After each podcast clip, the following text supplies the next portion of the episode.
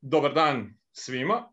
Sačekat ćemo malo ovaj, da se svi priključe pa da onako izvanično krenemo sa e, panelom. Izuzetno mi je zadovoljstvo što danas imamo jednu ovakvu izuzetnu gošću i evo sad sam baš razgovarajući sa njom rekao da je prvi put od kad e, uopšte serijal postoji kao takav da nam je neko gost ko nije sam preduzetnik a sve to negdje iz razloga što smatram da vremenom ta e, znanja menadžmenta postaju sve važnija za e, same preduzetnike i da je jako važno osvestiti te neke stvari.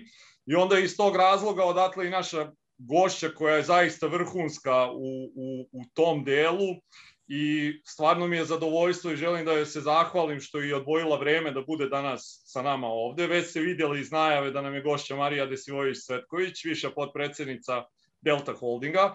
Marija, e, prvo da ti se zahvalim na odvojenom vremenu i da ti poželim dobrodošlicu ovde u Ja preduzetni klub. Hvala na pozivu i drago mi je da sam u klubu. Drago mi je da se upoznamo. To duše sa nekima se sad nevidljivo upoznajem, ali to je nešto. Pa da, korona nas je negde naučila i na ove neke ovaj stvari upoznavanja preko ekrana, ali mislim da se svi negde nadamo da ćemo uskoro moći ovakve stvari i uživo ovaj da priredimo. Pa evo za, za početak e, ja sam e, negde i rekao koja je tvoja trenutna funkcija, ali bih hteo jednim delom obzirom da je to negde i e, praktika koju imamo kroz serijal da čujemo malo negde o tvojoj prošlosti, školovanju i kako je došlo do toga da ti se danas nađeš na poziciji na kojoj jesi? Uh. Tako što se Ringišpil zaustavio na, na, ovaj, na toj stanici. ovaj, e, ja sam završila gimnaziju u Aranđelovcu, upisala matematiku u Beogradu na matematičkom fakultetu, jer sam jako volela podjednako matematiku i engleski, ali su mi onda mama i tata rekli da engleski ima i na kolarcu i da je možda bolje da čovjek ima neki zanat. Upisala sam računarstvo, to je bila 92. godina, tad je bilo jako teško upisati bilo šta od tehničkih fakulteta, još uvijek su to bili fakulteti na izuzetnoj ceni. Ovaj, e, studirajući matematiku, odnosno računarstvo, e, zavolala sam i, i algoritme i software engineering i tako dalje, koliko to je u odnosu na današnje vreme bilo prilično primitivno, ali dovoljno da se zavoli ta nauka. I bila sam ubeđena da ću ceo život raditi kao programer. Ovaj, već sam bila napravila plan da čim diplomiram naučim dobro Oracle i da se specializujem za Oracle. I onda, znate kako kažu, vi pravite planove, Bog se smeje, tako da ovaj, uh, upisala sam, počela sam da radim kao asistent na fakultetu, upisala sam uh, master, odnosno to je tad bio magistarski i onda se slučajno dogodilo da je jedan profesor sa elektrotehničkog fakulteta pravio grupu studenta za neki rad koji je trebalo da se uradi za neki Triple E magazin i trebali su mu i postdiplomci sa matematičkog. Ja sam upala u tu grupu, uradili smo neki sjajan projekat i ispostavilo se da smo dobili ponudu, da, da je profesor dobio ponudu da neke od svojih studenta uputi u Comtrade za pomoć pri, oni su svake godine radili taj tehnički tehnički, kao veliki tehnički sajam na kom su prezentovali najnovije proizvode iz IT industrije. Profesor je dao nas nekoliko studenta za to i već, ja mislim, treći, četvrti dan tog događaja smo dobili ponudu da pređemo tamo da radimo. I mhm. ovaj, bez mnogo razmišljanja, pošto su to vreme ovi plate na fakultetu, verovatno kao i sada, bile izuzetno velike, uh, ja sam tu ponudu prihvatila i uh, u to vreme Microsoft nije postojao ovde u Srbiji. Dobila sam ponudu da uh, u Comtrade uh, osnujem taj, tu grupu koja bi se bavila licenciranjem i legalizacijom softvera. Sećate se 90-ih kako je to izgledalo, odnosno početkom 2000-ih i uh, prihvatila sam taj posao. Onda sam došla prvi dan na posao i shvatila da ja nemam pojma šta znači reč profaktura, da nikad u životu nisam izdala nijedan dokument, da, da ne znam, ovaj, da nisam nikad popunjavala Excel, iako bih vjerojatno umela da ga napravim i tako. I onda to je bila prva prilika u kojoj čovjek shvati da, ovaj, da ne morate uvek sve da znate unapred da biste nešto radili, da je u stvari mnogo zanimljivije, a verujem da to svi preduzetnici na kraju i otkriju, da je mnogo zanimljivije otkrivati stvari uz put i onda shvatite da je uz veliku želju i, i rad, ovaj, sve moguće naučiti i da, da nije teško. Ja sam tamo ostala skoro šest godina i vrlo sam ponosna na taj deo svoje profesionalne karijere zato što smo a, tada uveli Microsoft u Srbiju. Oni su neposredno posle toga otvorili i kancelariju i the rest is history. Oni sad imaju, mislim, nekoliko stotina ljudi u Srbiji. Uh, posle sam prešla u, u softversku firmu Spinaker, bila sam, to je bilo moje prvo direktorsko mesto, bavili smo se aplikacijama, onim što je bila moja struka, ali sam nekako prešla u sales jer se ispostavilo da mi ovaj, to dobro ide mm -hmm. i da ni ja nisam znala da imam talent da, da radim u prodaji, posebno u toj vrsti prodaje gde je bitno da se klijent zadrži dugo vremena, gde se klijenti osvajaju sporo, i, ovaj, i velikim trudom, ali onda i ostaju veliki broj godina za velike poslove. Odnosno, to kreiranje odnosa među ljudima koje je danas u poslu veoma važno, u većini poslova, vam je važno da imate zapravo odnosi i odnosi zapravo kreiraju kvalitet posla, to je tako. -hmm. Ove, ovaj, odatle sam dobila ponudu da, da vodim jednu mladu kompaniju koja se zvala Verano Investi, koja je gradila nekoliko objekata u Srbiji, da sam imala priliku da od samog crtanja projekta pa do otvaranja vodim projekat izgradnje Zira centra u, u Rooseveltovoj ulici. Ove, takođe, jeli, posao za koji sam bila izuzetno kvalifikovana. Naravno, ništa nisam znala o tome, ali mislila sam da je to što sam u Kompredu naučila da radim sa timovima i da motivišem ljude i da, da umem da napravim dobar timski rad dovoljno. Ispostavilo se da to bilo tako. I to je bilo ok, a onda sam odatle uh, postala preduzetnik, tako da nisam skoro slučajno danas ovde. Dobro. Ove, ovaj, sa svojim dobrim prijateljem Srđanom Janićijevićem koji to dobro napravio nekoliko fantastičnih startapa, uh, mm. kao što je uh, Budi svoj čovek ili Hausmeister i tako dalje. Uletela sam u to da nas dvoje napravimo startup koji se zvao Asistel, to se tad nije zvalo startup, zvalo se preduzetnički biznis i to je bilo sjajno. To je bilo moje prvo iskustvo a, šta to znači biti one man show i zato kad mi neko kaže da je preduzetnik od mene ima samo najveće moguće poštovanje, jer sam tad naučila šta znači da jedna osoba bude sekretarica, kafe kuverica, HR, pravna služba, PR, prodaja, uh, customer service i tako dalje. I shvatila sam koliko je to teško i koliko u stvari preduzetnici uh, se, ulaze u zaista nešto što je veoma teško i nepoznato. I taj naš poduhvat je bio sjajan i Srđan i ja smo super funkcionisali i danas smo fantastični prijatelji i, ja pratim i podržavam i sve njegove startupe, on je čovjek sa fantastičnim idejama. Ali sam ja u sred tog posla a, dobila ponudu a, od a, gospodina Miškovića da dođem u Deltu i to tako da biram šta ću da radim u Delti. Mm -hmm. Ja sam prvo tu ponudu odbila, ali onda posle jedno dva meseca ubeđivanja s njegove strane, ja sam na to ipak pristala i evo, ispostavilo se da pre 13, tačno 13 godina uh, nisam pogrešila. A prvo sam radila kao direktor proizvodnje hrane, opet oblast koju sam fantastično poznavala, od mlevenja žita i pravljenja brašna do klanja svinja u juhoru. Ovaj, ali opet se ispostavilo da umeće upravljanja ljudima i iskustvo u međuljudskim odnosima i sposobnost brzog učenja novih stvari su mhm. nekada, mislim, dovoljni da za nekih šest meseci uhvatite osnovne konce, a da za godinu dana stvarno vladate materijom kojom se bavite. I a, 2012. sam postala potpredsednik Delte i danas sam viši potpredsednik i moj pos, ja sam viši potpredsednik za strategiju i razvoj, ali osim sektora za strategiju i razvoj, a, kod mene su i sektori za informacijone tehnologije, za human resources, za korporativne komunikacije. Okay. I, i sektor za CSR i energetsku efikasnost. Tako da zapravo reklo bi se da u Delti rukovodim svim sektorima koji nisu direktno operativni. Dakle, mhm. i, i to je moj posao da ovaj, osim strategije i razvoja, sa druge strane vodim računa o svim ovim pratećim oblastima bez kojih posao ne bi mogao da postoji. Jasno.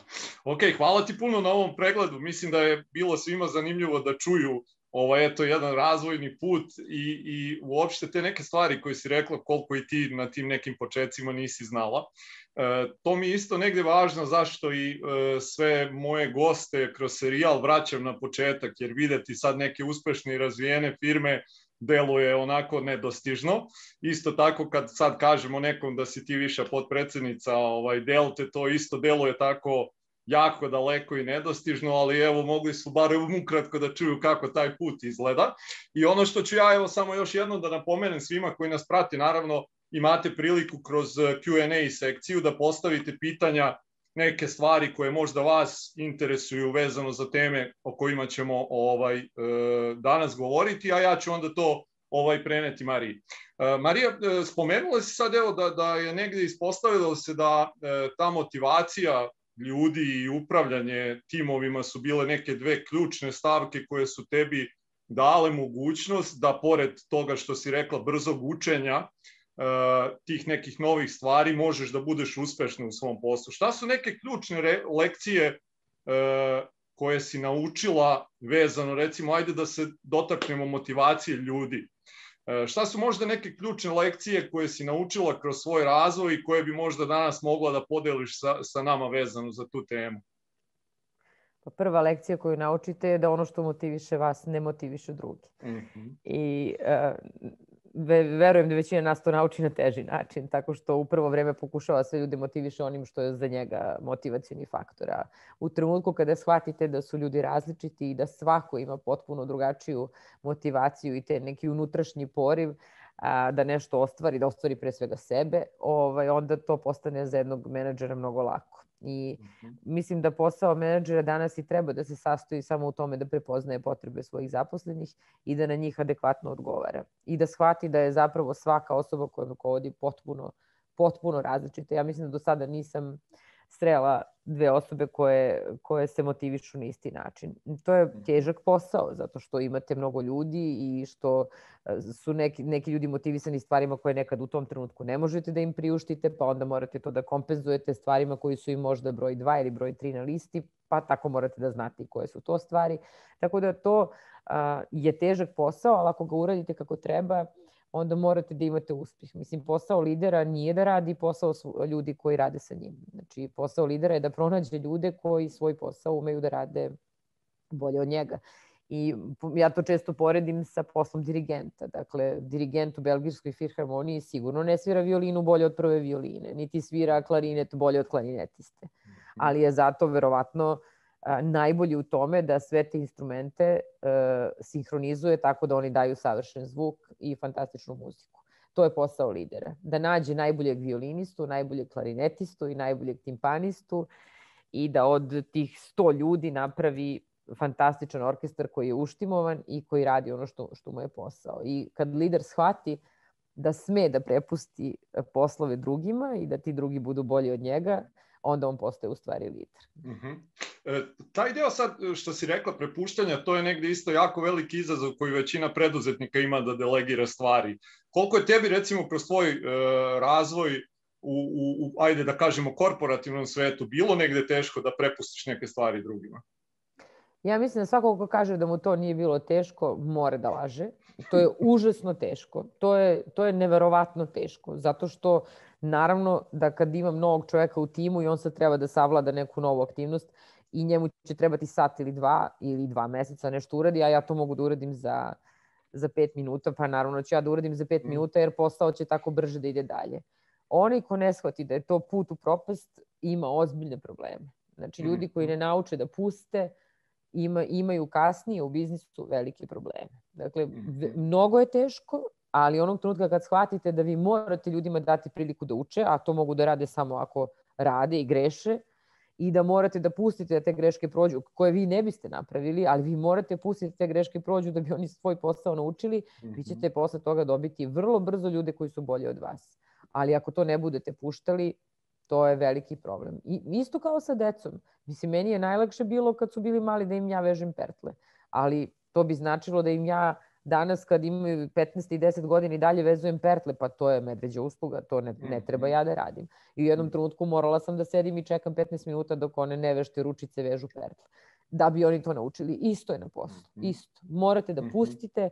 Teško je, stavite ruke u džepove i grizete se za usnu i sve, ali trpite, trpite, trpite, jer znate da će to da da velike rezultate. U suprotnom, dovešćete se u situaciju da vi sami radite sve, a svi znamo da ovde samo jedan čovjek može da radi sve, ovaj, dovešćete situaciju da, sve, da radite sve i da sve radite sami, a da ljudi oko vas zapravo samo statiraju i ne doprinose.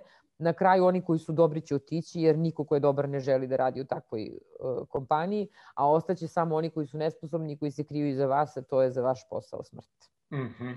e, mislim da je, evo sad baš ovo o čemu smo razgovarali negde e, dobro da povežemo sa nečim što se upravo i desilo u Delti pre negde sedam dana ili tako nešto. E, bilo je zvanično saopštenje i kompanije i gospodina Miškovića da se povlači iz operativnog poslovanja, da će da pređe u, u upravni odbor, da bude predsednik upravnog odbora.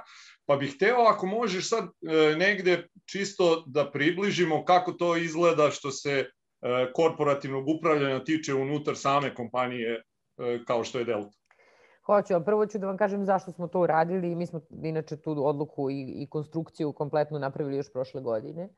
A, i mi, zato što je to mnogo važno za firme na našim prostorima. Prvo da se razumemo, nismo mi u Srbiji izmislili privatne firme. Verovatno znate u Nemačkoj i dan danas najveći broj firmi su porodične firme.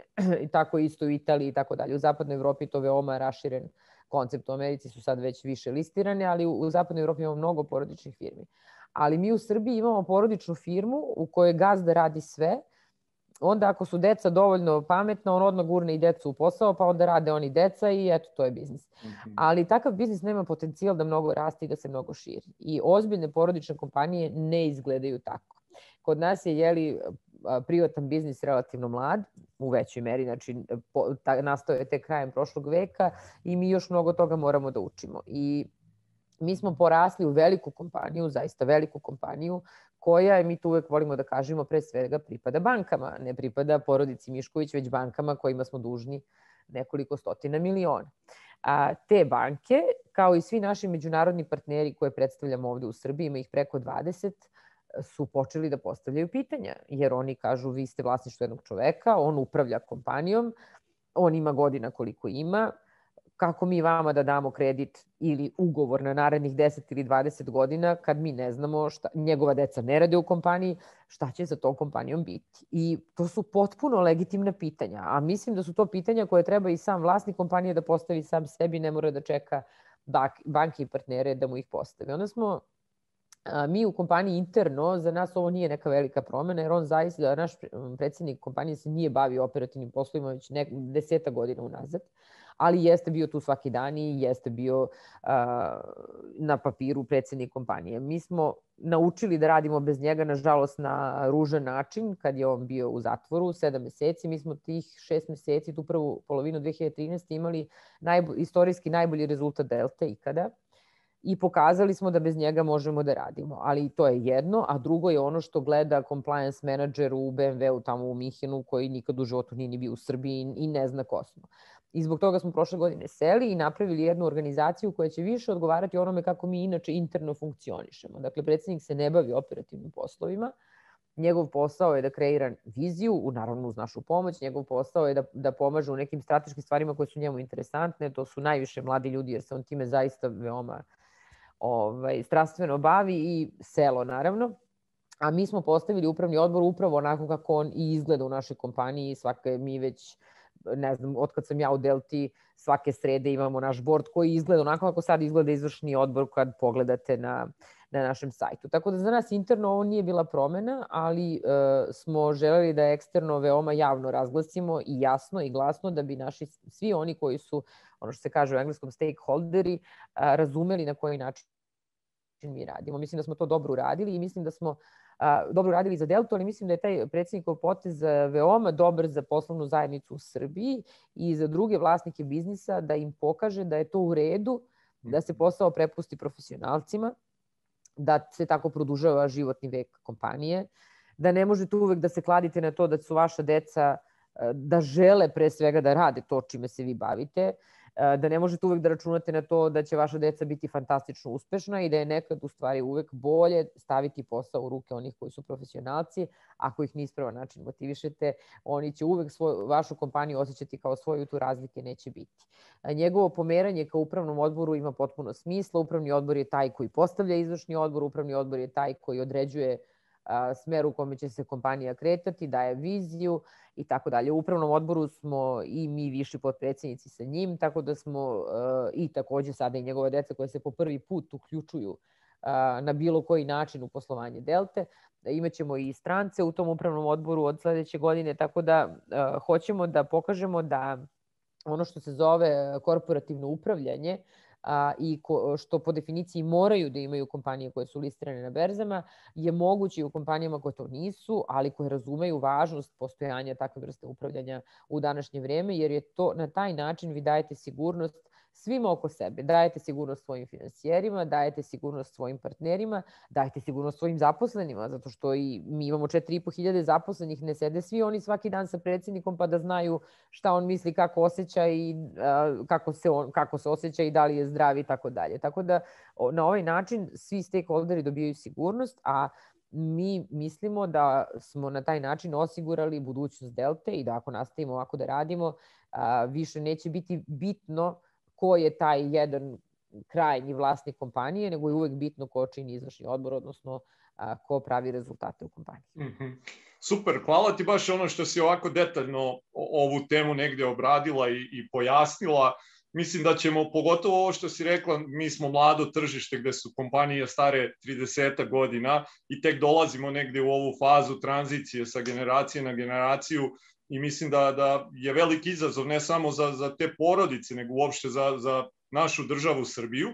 I uh, jedna ovde stvar koju si rekla, koja je isto vezana negde za budućnost uh, i same Delte kao kompaniji i rekla si da je to jedna od tema koju će gospodin Mišković da se posveti, ima veze i sa pitanjem ovaj koje je ovaj postavljeno od uh, strane Milana Trbojevića E, koji želi da zna kako rade na razvoju karijere zaposlenih unutar Delte, dakle kako radite. E, kaže da je sadašnji direktor ANA nas rekao da je bio na školovanju o trošku kompanija, a prethodno je bio na nižoj poziciji u Delta Maxiju. To navodi kao neki primer, ne znam da li je tačna informacija ili ne, ali eto baš taj deo, obzirom da si rekla i, i, i o budućnosti kompanije, to svakako je budućnost kompanije, razvoj ljudi, pa da nam malo približiš kako to kod vas unutar kompanije izgleda?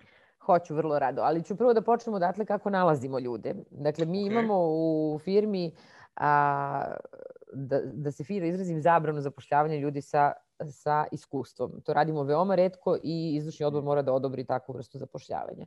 Mi zapošljavamo u našoj kompaniji ljude bez iskustva, Uh, u stvari ljude koji su tek izašli sa fakulteta. I to radimo kroz ovaj naš program Mladi lideri, gde svake godine primimo između 20 i 60 ljudi koji nam se pridruže. I uh, prošle godine smo primili 60 ljudi u ovaj program i to su ljudi koji nemaju radno iskustvo. Zašto? Zato što E, neka ljudi dođu sa radnim iskustvom, ali ono što je, a radno iskustvo se, iskustvo se brzo stiče, ono što je problem je što često dođu sa pogrešnom korporativnom kulturom. Ne pogrešnom, samo različitom. Možda je u toj drugoj kompaniji ta kultura bolja, ali dovoljno je da bude dovoljno različito, oni ne mogu da uhvate našu korporativnu kulturu, a nama je to mnogo važno. Ovako kad dođu sveži, puni entuzijazma, puni želje da osvoje svet, što je fenomenalno, uglavnom ne znaju ništa i a, to je, ti mladi ljudi su fenomenalni. Oni bukvalno za godinu dana postanu kod nas menadžeri. Kod nas Uh, mislim da rekord drži jedan mladi lider koji u januaru došao u firmu, u septembru postao generalni direktor Danubiusa, kompanije koja ima 120 zaposlenih i 25 miliona prometa. Znači, mi uh, uh, kako ih, kako od njih, znači tako ih dovodimo u firmu, a sad kako od njih pravimo kadrove. Školovanje naravno, Rajko Mandić koji je sada CEO Ananasa je nekad davno radio u Delta Maxiju i nije bio CEO Maxija, a bio je na Harvardu na njihovom management programu tri meseca. Ja od kad sam došla u Deltu, ja sam bila na Harvardu, bila sam na Whartonu, bila sam na Oxfordu, bila sam dva puta na Kolumbiji. Dakle, mi svi imamo potpunu, ne samo slobodu, nego smo podstaknuti da biramo školovanje za koje mislimo da je za nas dobro i uh, kompanija nas u tome podržava i šalje nas na, na ta školovanja. E sad, a, o, ima i drugi način kako ljude obrazujemo, a to je što imamo i vrlo razvijen sistem internih obuka, jer u našoj kompaniji rade ljudi koji imaju ozbiljno iskustvo, imaju šta da prenesu na razne teme, tako da mladi ljudi u kompaniji imaju sve vreme, a, jedan, cele, tokom godine mi non stop radimo te obuke, onda oni to pohađaju. Uh, imamo domaće obuke, imamo, uh, sarađujemo na primjer dosta sa Srđanovom okrogorskom školom menadžmenta, mnogo naših ljudi ide tamo na školovanje, tako da uh, kad neko u našoj kompaniji traži da se negde doškoluje, mislim da nikada nije dobio odgovor ne. Tako da mhm. stalno ulaganje u ljude je moranje. Inače, mislim, znate kako je rekao jedan biznismen kad su ga pitali kako toliko ulaže u ljude, a onda oni nekad i odu. On je rekao pa ja moram da ulažem iako oni odu jer druga opcija je da ne ulažem i da ostanu. Znači, ulažete u sve, pa sad ako neko ode šta da radimo, otišao je, ali mnogo je gore da ne ulažemo ni u koga i da oni ostanu tako neuloženi. mm -hmm. ovaj, mislim da je jako važno da se u ljudi ulaže i još jedan način na koji oni najviše rastu, to je što ih to stavljamo na, na visoke pozicije i znamo mi da se mi nekad i pređemo i možda je to nekad i prerano i možda je to nekad za njih previše, ali ispostavilo se u najvećem broju slučajeva da je u stvari da oni u stvari sjajno koriste te prilike. Mm -hmm. Sjajno koriste prilike kad ih stavite. Mi smo na Interkontinentalu Ljubljana za, za glavnog arhitektu na projektu stavili devojku koja je te godine stigla mlade lidere sa arhitektonskog fakulteta. Nije imala nijedan projekat u životu pre toga. Onda je radila Interkontinental Ljubljana i kad je to završila imala je veći projekat nego mnogi ljudi posle 20 godina rada u birojima. Tako da mi mm -hmm. mislimo da je to super način da oni rastu. Evo, Milan se zahvaljuje na odgovoru, kaže da je pravi odgovor. Mm. Ovaj, e, e, zanima me sad, pored tog e, dela edukacije, postoji li neka vrsta možda mentorskog sistema koji je uspostavljen unutar kompanije? Da, postoji. To je, za to je zadužen HR i postoji razvijen mentorski sistem o kome ja ne znam da vam kažem detalje jer nisam učestvovala u razvoju. Sve što znam je da, da svake godine dobijem želim, ali dakle svaka mlada osoba u kompaniji ima mentora koji se sa njom. I sa svakim se radi na vrlo individualnom nivou, dakle nemamo, to znam sigurno, znači nije da ja moram svake nedelje u toliko sati da se vidim na sat vremena sa nekim. Takođe znam da je pravilo da se za mentora ne uzima direktan šef, jer to i nema mnogo smisla. Znači mentori se uzimaju dijagonalno ili, ili vodoravno, ali, ali ne vertikalno. I, ovaj, i, I još uvek je taj program takav da se mi slobodno dogovaramo o formi a, tog mentorstva i, i kako se viđamo i kad se viđamo i da li se čujemo telefonom ili se dopisujemo i mm -hmm. koje probleme rešavamo zajedno i tako. Tako da to za sada mm -hmm. dobro funkcioniše, ne znači da ne može da se unapredi, ali za sada važno je da postoji i važno je da to radimo. Mm -hmm. e, reci mi, zanima me sad, kad, kad govorimo možda i o mentijima i uopšte o saradnicima koje ti biraš, obzirom da si rekla da gledaš negde ulogu lidera kao dirigenta koji nije najbolji violinista, ni najbolji harfista, ali kako biraš violinistu i harfistu? Šta su neke stvari koje su tebi važne vezane kod njih? Saznala sam pre dve godine da postoji neki forum studenta Beogradskog univerziteta gde se oni, ili već svih univerziteta, gde se oni prepisuju na temu naše konkursa Mladi lideri i onda je neko napisao na tom, neko je pitao, pošto je poslednji, ja radim poslednji intervju, nama se prijavi nekoliko hiljada i HR uradi selekciju do poslednjih 100, tih poslednjih 100 intervjušem ja. I, ovaj, I onda je neko tamo na tom forumu pitao da li neko zna da kaže šta treba meni da se kaže, kako treba. I onda je jedan napisao, ona gde god ide kaže da govori, govori da gleda da li ljudi imaju sjaj u očima, stavite kapi u oči. ovaj, e, ja tako biram ljude, doduše ne, ne računaju se kapi, nego kad vidim da neko stvarno ima u stomaku tu nenormalnu želju da uspe, da ima da ima taj neki drive iznutra da sebe ostvari, da postane najbolje što može u životu kad ima makar malu mrvicu onoga što je Jordan ovaj, mhm. radio, mm -hmm. tako biram. Inače u kancelariji imam veliki poster Jordana, tako da to je mhm. ovaj, to je čovjek koji je pokazao šta, šta treba da uradite ako u nečemu hoćete da budete najbolji. Mm -hmm. Ne mhm. samo da od sebe napravite nešto što niko nikad nije video, nego da bi postao najbolji, on je morao i od svih oko sebe da napravi najbolje verzije njih samih, što je mnogo, mnogo teže nego samo da menjate sebe. Mm -hmm. Tako da sjaj u očima, velika želja, nikad nisam pitala šta su završili, s kojim prosekom, to me uopšte ne interesuje. Znači, mogu da završiti šta hoće, ako on ima želju da, on će da zgazi sve i da postane najbolji u onome što radi. I to je jedino što me interesuje. Mm -hmm. I s mhm. tim u vezi vrlo često se ispostavi na kraju da sam izabrala ovaj, e, sportiste koji mm -hmm. su se mhm. bavili ozbiljno sportom, sad uglavnom su klinci u Americi igraju košarku, veslaju i mm -hmm. tako dalje. Mm -hmm. I ovaj, ispostavi se, verovatno slučajno, ja to ne znam, da oni, da svi imaju tu pobedničku crtu u sebi i da, da ih prepreke vrlo malo zanimaju. Mm -hmm. To mi su. Kad smo već kod Jordana i sporta, za, za one koji možda ne znaju, eto da, da se dotaknemo i tog dela tvoje ličnosti uopšte. Ti si neko ko je jako aktivan, a, kao sportista i, i ne znam da li je to uopšte prava reč da opiše to što ti radiš vezano za Ironmana, za one koji ne znaju, nek pogledaju šta ovaj, sama trka predstavlja. E, dakle, ako se ne varam, tu je negde 4 km e, plivanje, 18 je bicikla, ne, 100 i ne, 180 bicikla i 42 km, znači maraton na kraju.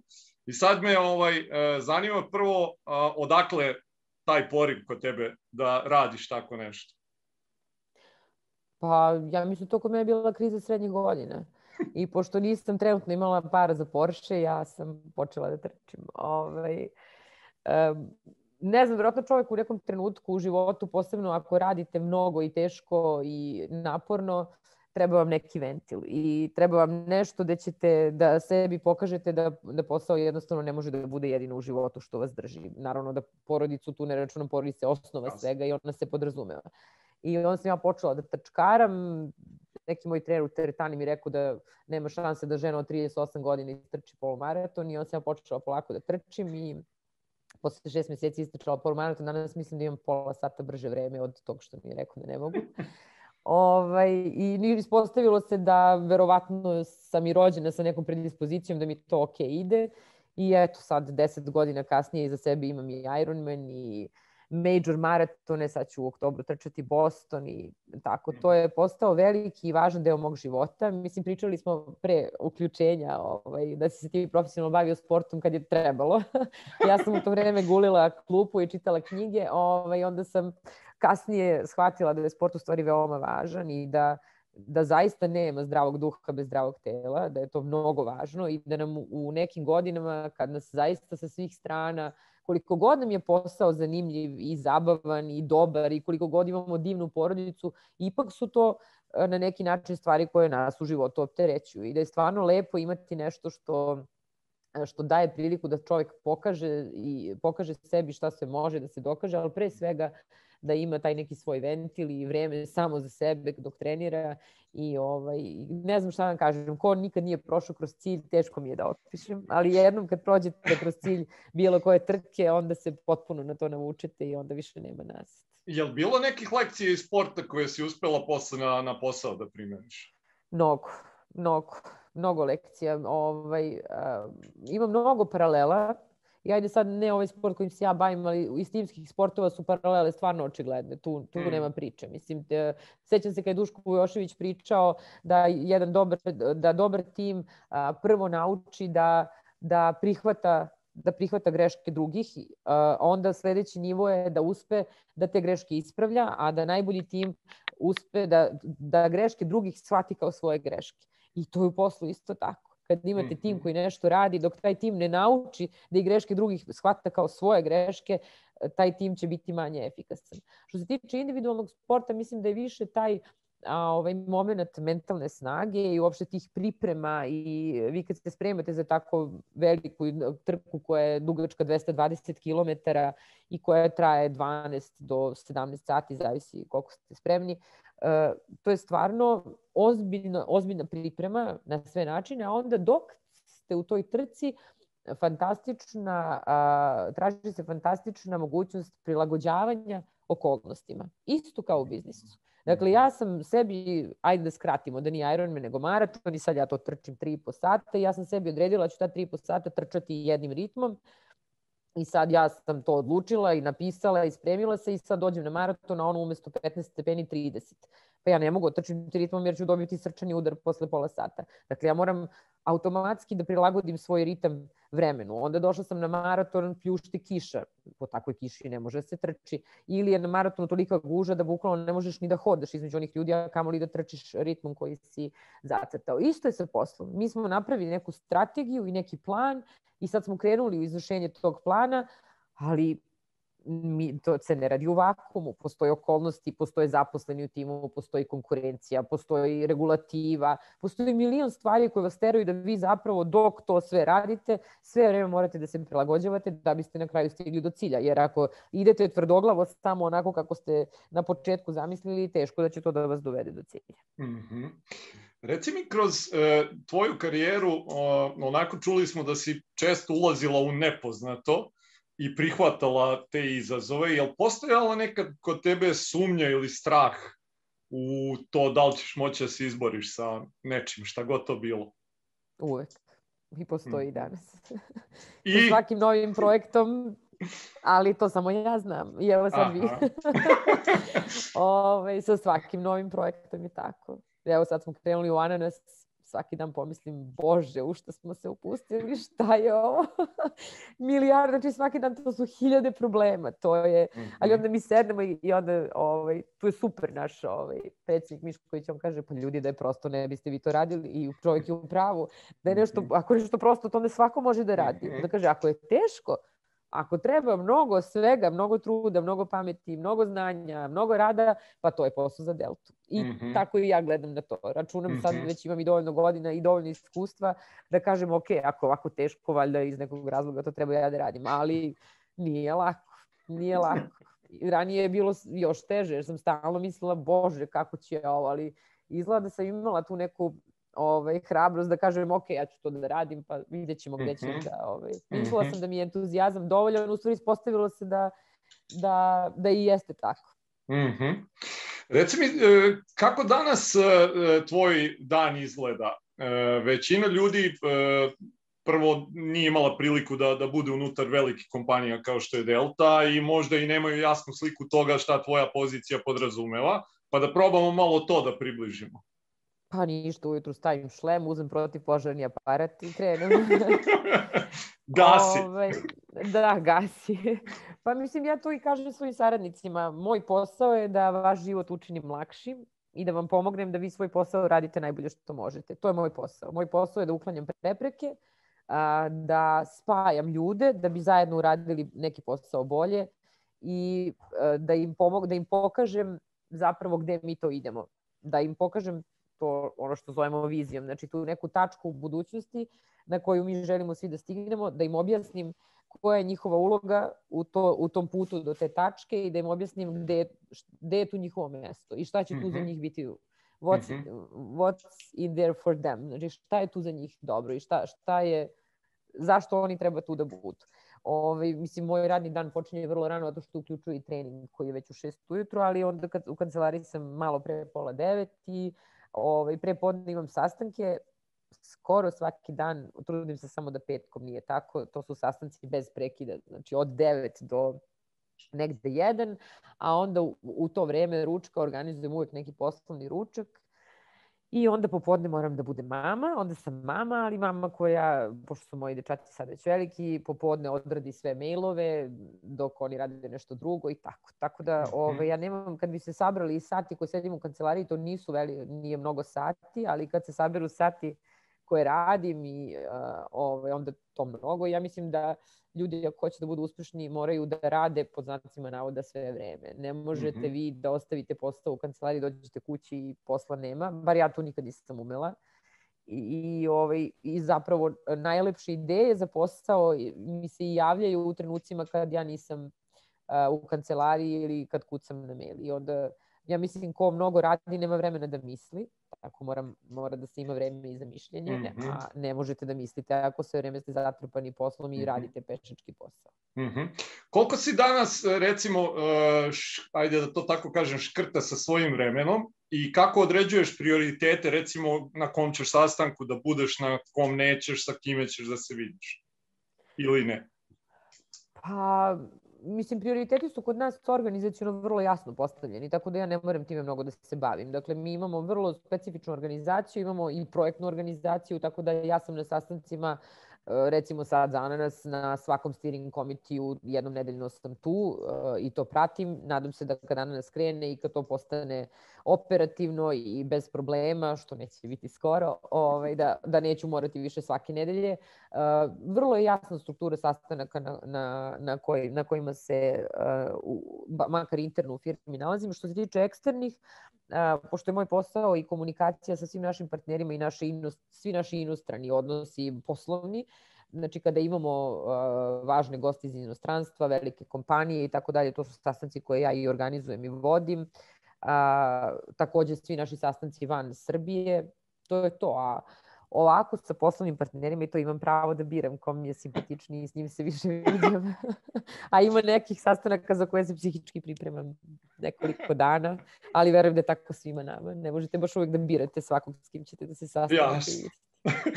Reci mi, e, e, taj neki prelaz iz e, menadžera u lidera, kad se desi u tvojoj karijeri, šta su bile neke stvari koje si morala da menjaš kod sebe i šta su možda bile neke osobine koje si morala da stekneš i naučiš? Prvo, ja nemam pojma kad se to desilo. Ja sam samo jednog dana shvatila da se to desilo, ali da li se desilo godinu dana pre toga ili tri godine ili šest meseci, ja i dan danas ne umem to da definišem. Verujem da je tako kod većine ljudi.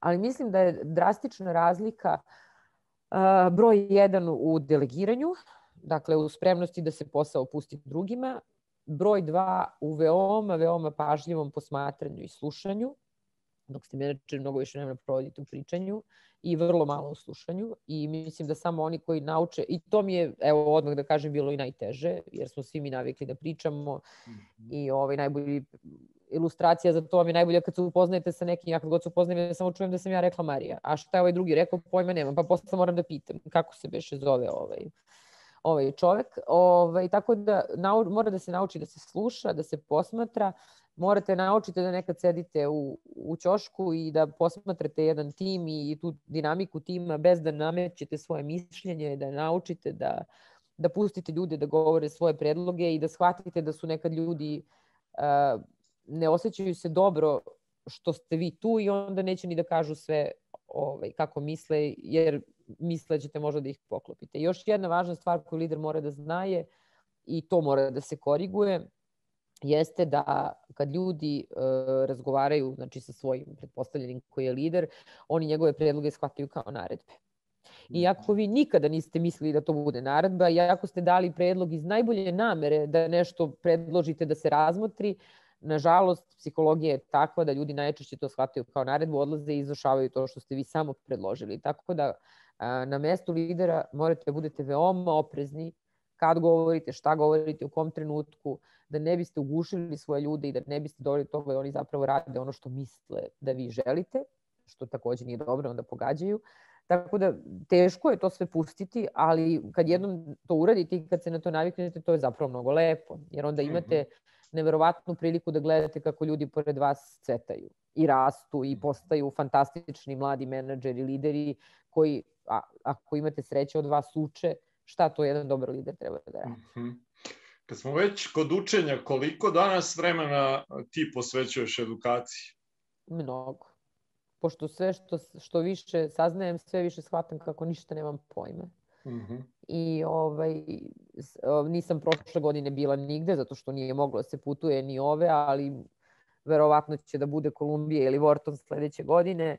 A, čitam stalno knjige koje su ili direktno biznis knjige ili vezane na neki način za ono što je bitno u biznisu. A, učim od svojih mlađih kolega. Uh, učim svaki dan, slušam sve što mogu na internetu, idem stalno, imam neke dve velike svetske konferencije na koje stalno idem i gde slušam najveća imena današnjeg biznisa i tako. I mislim da nikad čovjek ne može da nauči dovoljno. I da zapravo dok smo živi moramo da učimo i da, da tu zaista ne, nema granice šta se možemo da naučimo i da, i da postanemo bolji u nečem. Mm -hmm. Šta smatraš da su neke tvoje ključne osobine koje su ti omogućile uspeh kakav imaš danas? A, pa sad to znaš kad čovjek to kaže, sad ispašće da se hvalim, ali ajde da probam.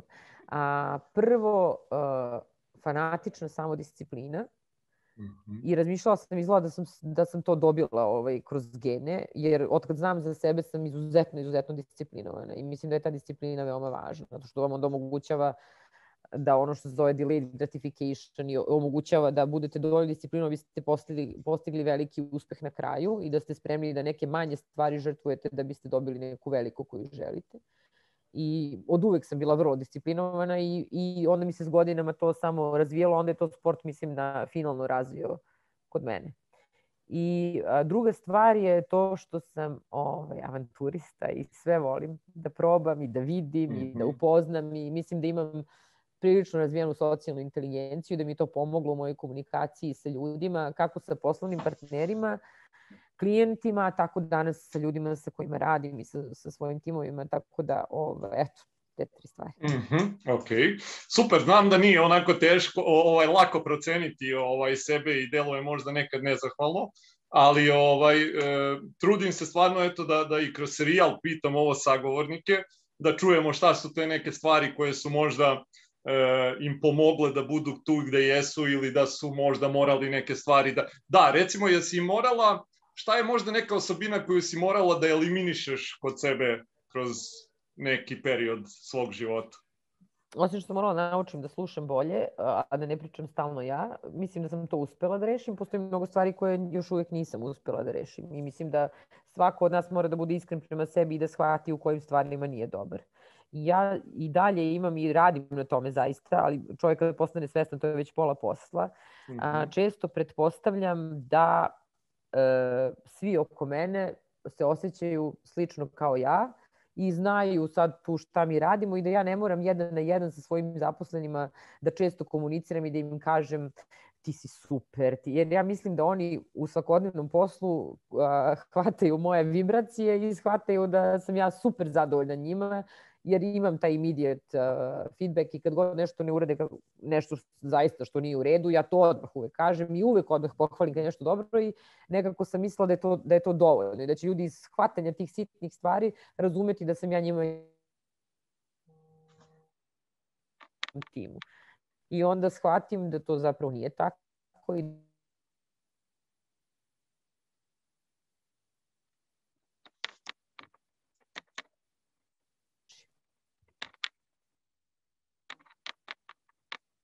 da ne pretpostavljam da on šta ja mislim, nego da im kažem. Mm -hmm. Ok, izvini, molim te, malo mi je ovaj veza za blokirala, nadam se da se sad čujemo. Ovaj, e, vezano za, samo trenutak, e, Stefan Trbojević ima pitanje kako se odnositi prema zaposlenima, strogi profesionalan odnos ili prijateljski? Jesi me čula, Marija? Jesam, jesam. Aj, Aha, pročitala e, sam ovdje pitanje. Aha, evo, okay. Jesam, jesam, pročitala sam. Ovaj, ja, pošto sam došla iz IT sveta, to je bio moj prvi posao, ja sam tamo po... gde smo svi sjedni sa ne morate da svo ah, kako to sad da kažem, da, da, da, za, da ne treba ono što vam piše na vizit karti, da vam to uh, što ja nekog ću oteram da mi govori vi, nije baš najbolji način da steknemo autoritet. Vanjem i velikim znanjem i zalaganjem i radom i meni je ostalo to iz IT-a i moram da priznam da u Deltu kad sam došla to nije bila takva kultura i strašno sam ponosna na to što smo u poslednjih 12 godina to uspeli da promenimo. Dakle, nema potrebe da na nekog vičete, nema potrebe da usiljeno persirate jedni drugima, nema potrebe što da budem stroga. Ja i prema svojoj deci skoro nikad nisam stroga, ali vi možete na vrlo blag način da otpustite čoveka. Mislim, to, ošto ne morate da budete strogi. I na vrlo blag način da saopštite vrlo neprijatne stvari. I to ako ste sa osobom na ti. I s druge strane, možete budete na vi koliko hoćete, ali ako ne umite na pravi način da, da iskomunicirate ono što je bitno, džaba vam to što ste na vi. Tako da ja ne glasam za to strogo, ja mislim da se autoritet gradi na drugi način i, i volim da mislim da ljudi koji sa mnom rade uh, prihvataju moj autoritet koji nije došao iz toga što meni piše na vizit karti i sad već iz toga koliko imam godina, nego iz toga kako se ja prema njima ophodim i, i iz toga kako svi zajedno radimo. Mislim da je jedini način da zaradite poverenje je taj da ga ljudima date. A ako ste, ako ste na distanci, strogi i tako dalje, od tog nema ništa. Takođe, još jednom ponavljam, to što je neko ljubazan, nasmejan i na ti, ne znači da neće da vas počisti prvom prilikom ako stvarno to zaslužujete. To, te dve stvari ne moraju da idu jedna s drugom. E, kad govorimo o kompanijskoj kulturi, negde jedna tema koja se po mom negde onako utisku tek polako osvešćuje ovde koliko je važna. E, kad govorimo o kompanijskoj kulturi Delte, šta su neki temelji na kojima ona počiva? Um, to je vrlo zanimljivo pitanje. Prvo, Delta je mnogo velika i ne bih rekla da ima samo jednu kompanijsku kulturu. Jer u sistemu Delta se nalazi uh, poljoprivredno gazdinstvo u Apatinu koje je i geografski veoma udaljeno od kompanije i da ne pričam i po tome šta radi i kako radi. U Delti se nalazi i Uhor koji je mesna industrija. U Del, mislim, mislim da mi imamo više kompanijskih korporativnih kultura. Naravno da sve one moraju da imaju neke stvari koje su zajedničke. Tako da ovaj, e, i deltina kultura se menja. Znači, menja se zato što se menjaju vremena u kojima Dakle, mi danas imamo veliki broj mladih zaposlenih. Ranije nije bilo tako. Deltina kultura, kad sam ja tamo došla, je bila vrlo stroga. I mislim da je postojao razlog za to, a to je bila želja da se delta tih ranih 90-ih, kad su se privatnim biznisom bavili u ovoj zemlji, ako se sećate, uh, zaista raznorazni likovi, svakakvih profila, svakakvih backgrounda i tako dalje.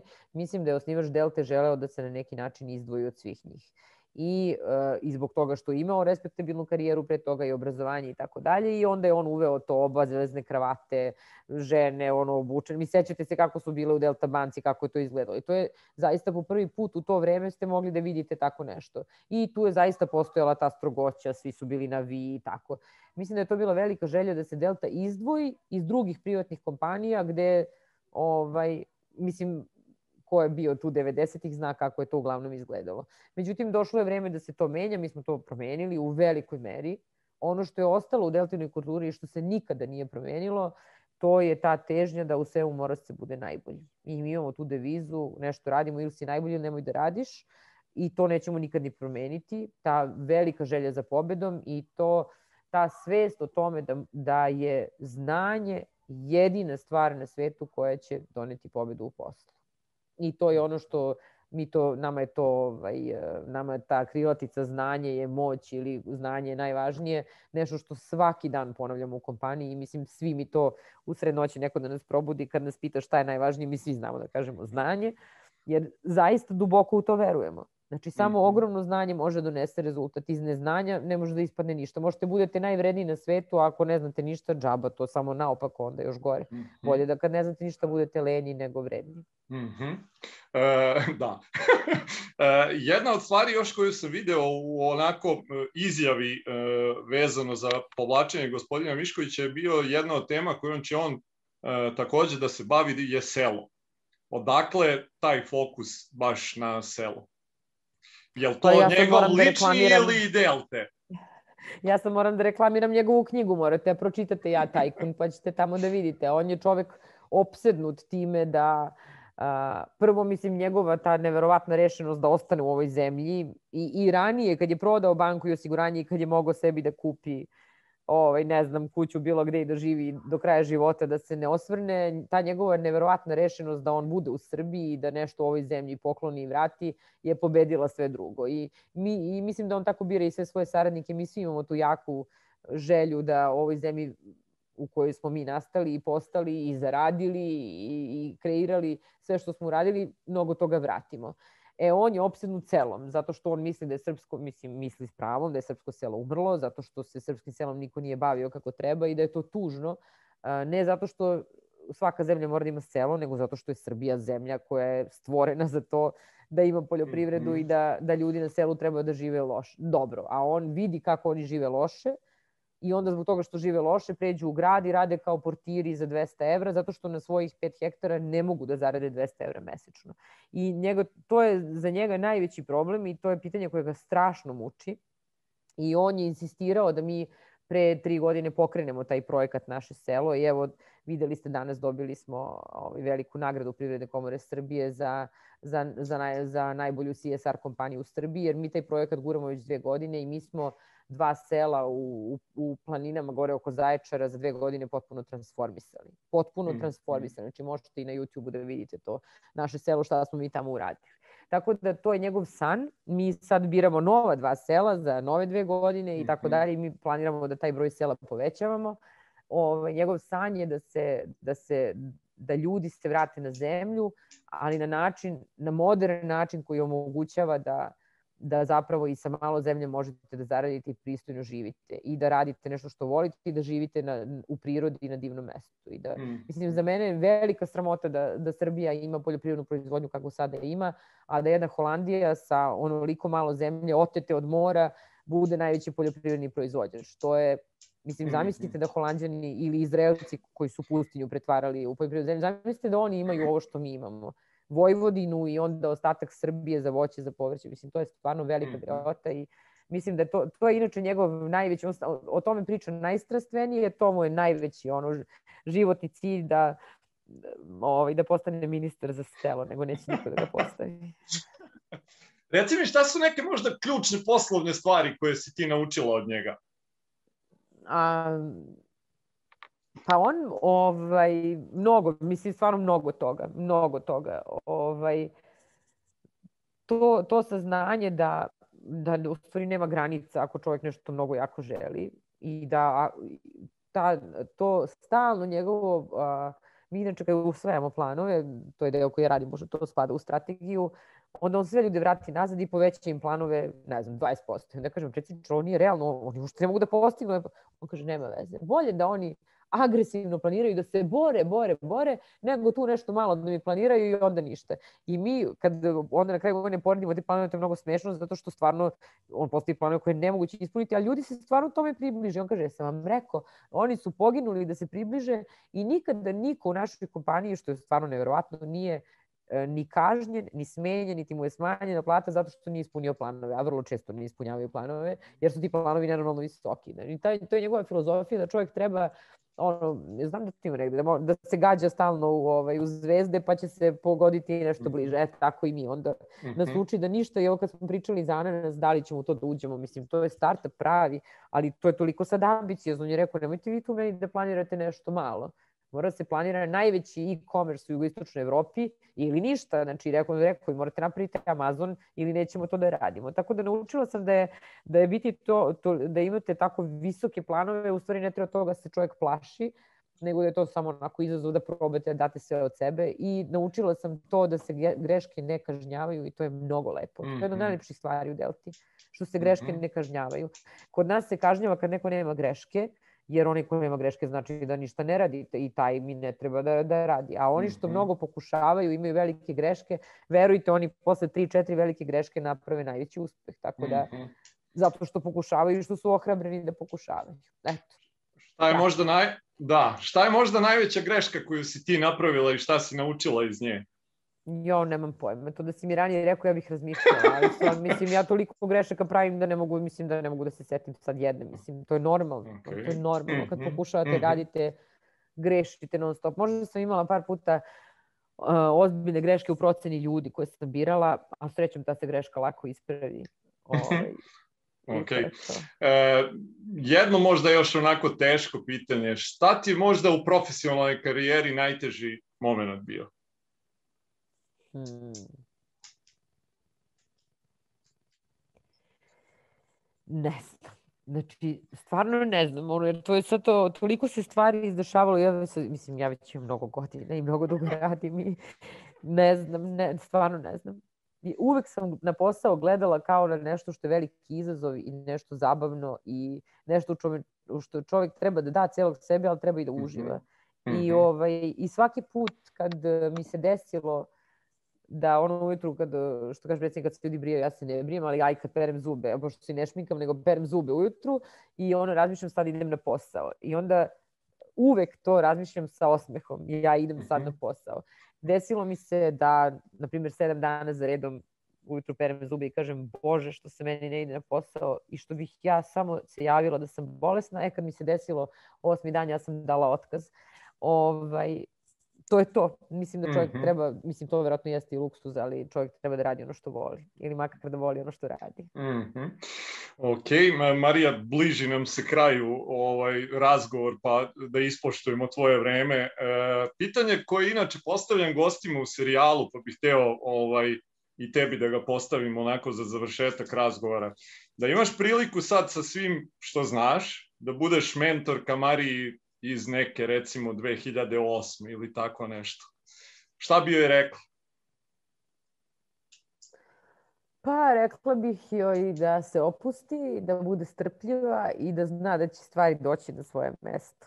Pošto verujem, svi vi znate kad ste mladi koliko često imate iznad sebe ljude koji su gluplji, koji su, koji su gori, koji su sve ono, u svakom smislu nisu dobri kao vi, ali ste mladi morate trpite i onda mhm. dođe u jednom trenutku ovaj, dođe taj trenutak da iznad sebe više imate, imate samo bolje od sebe, onda je to mm -hmm. mnogo lepo. E, ja bih to Mari rekli da se ne nervira i da će svi ti što je sad nerviraju jednog dana nestati i da ono good guys win, to je tako, dobri ljudi uvijek pobede na kraju i stvari legnu na svoje mesto. Jel bi poslušala Marija ta savjet tad? Pa, Pa verovatno da, mislim, pošto sam na kraju poslušala. Jedino, strpljenje je jedina stvar koja je, koja je na raspolaganju u tom trenutku, ništa drugo. ok. Uh, Marija, hvala ti puno stvarno na odvojenom vremenu. Hvala ti na evo ovih sat vremena gde smo pokušali da izvučemo od tebe što više tih vrednih lekcija ovaj, koje si skupila kroz svoju bogatu karijeru. Želim ti stvarno puno uspeha i u ovom profesionalnom delu i u ovom sportskom da guraš i dalje i nadam se da ćemo eto u nekom trenutku imati priliku ovaj možda ovako svi zajedno da se vidimo negde uživo, a ne ovako preko ekrana. Hvala tebi, Đorđe, baš mi je lepo bilo. Drago mi jako da smo, je tako. Da smo nešto pametno ispričali i da nismo ukrali ljudima sat vremena bez veze. Ne, nismo sigurno. Hvala ti još jednom, puno pozdravljam ti i hvala i svima hvala. koji su nas pratili. Ćao! Ćao, čao.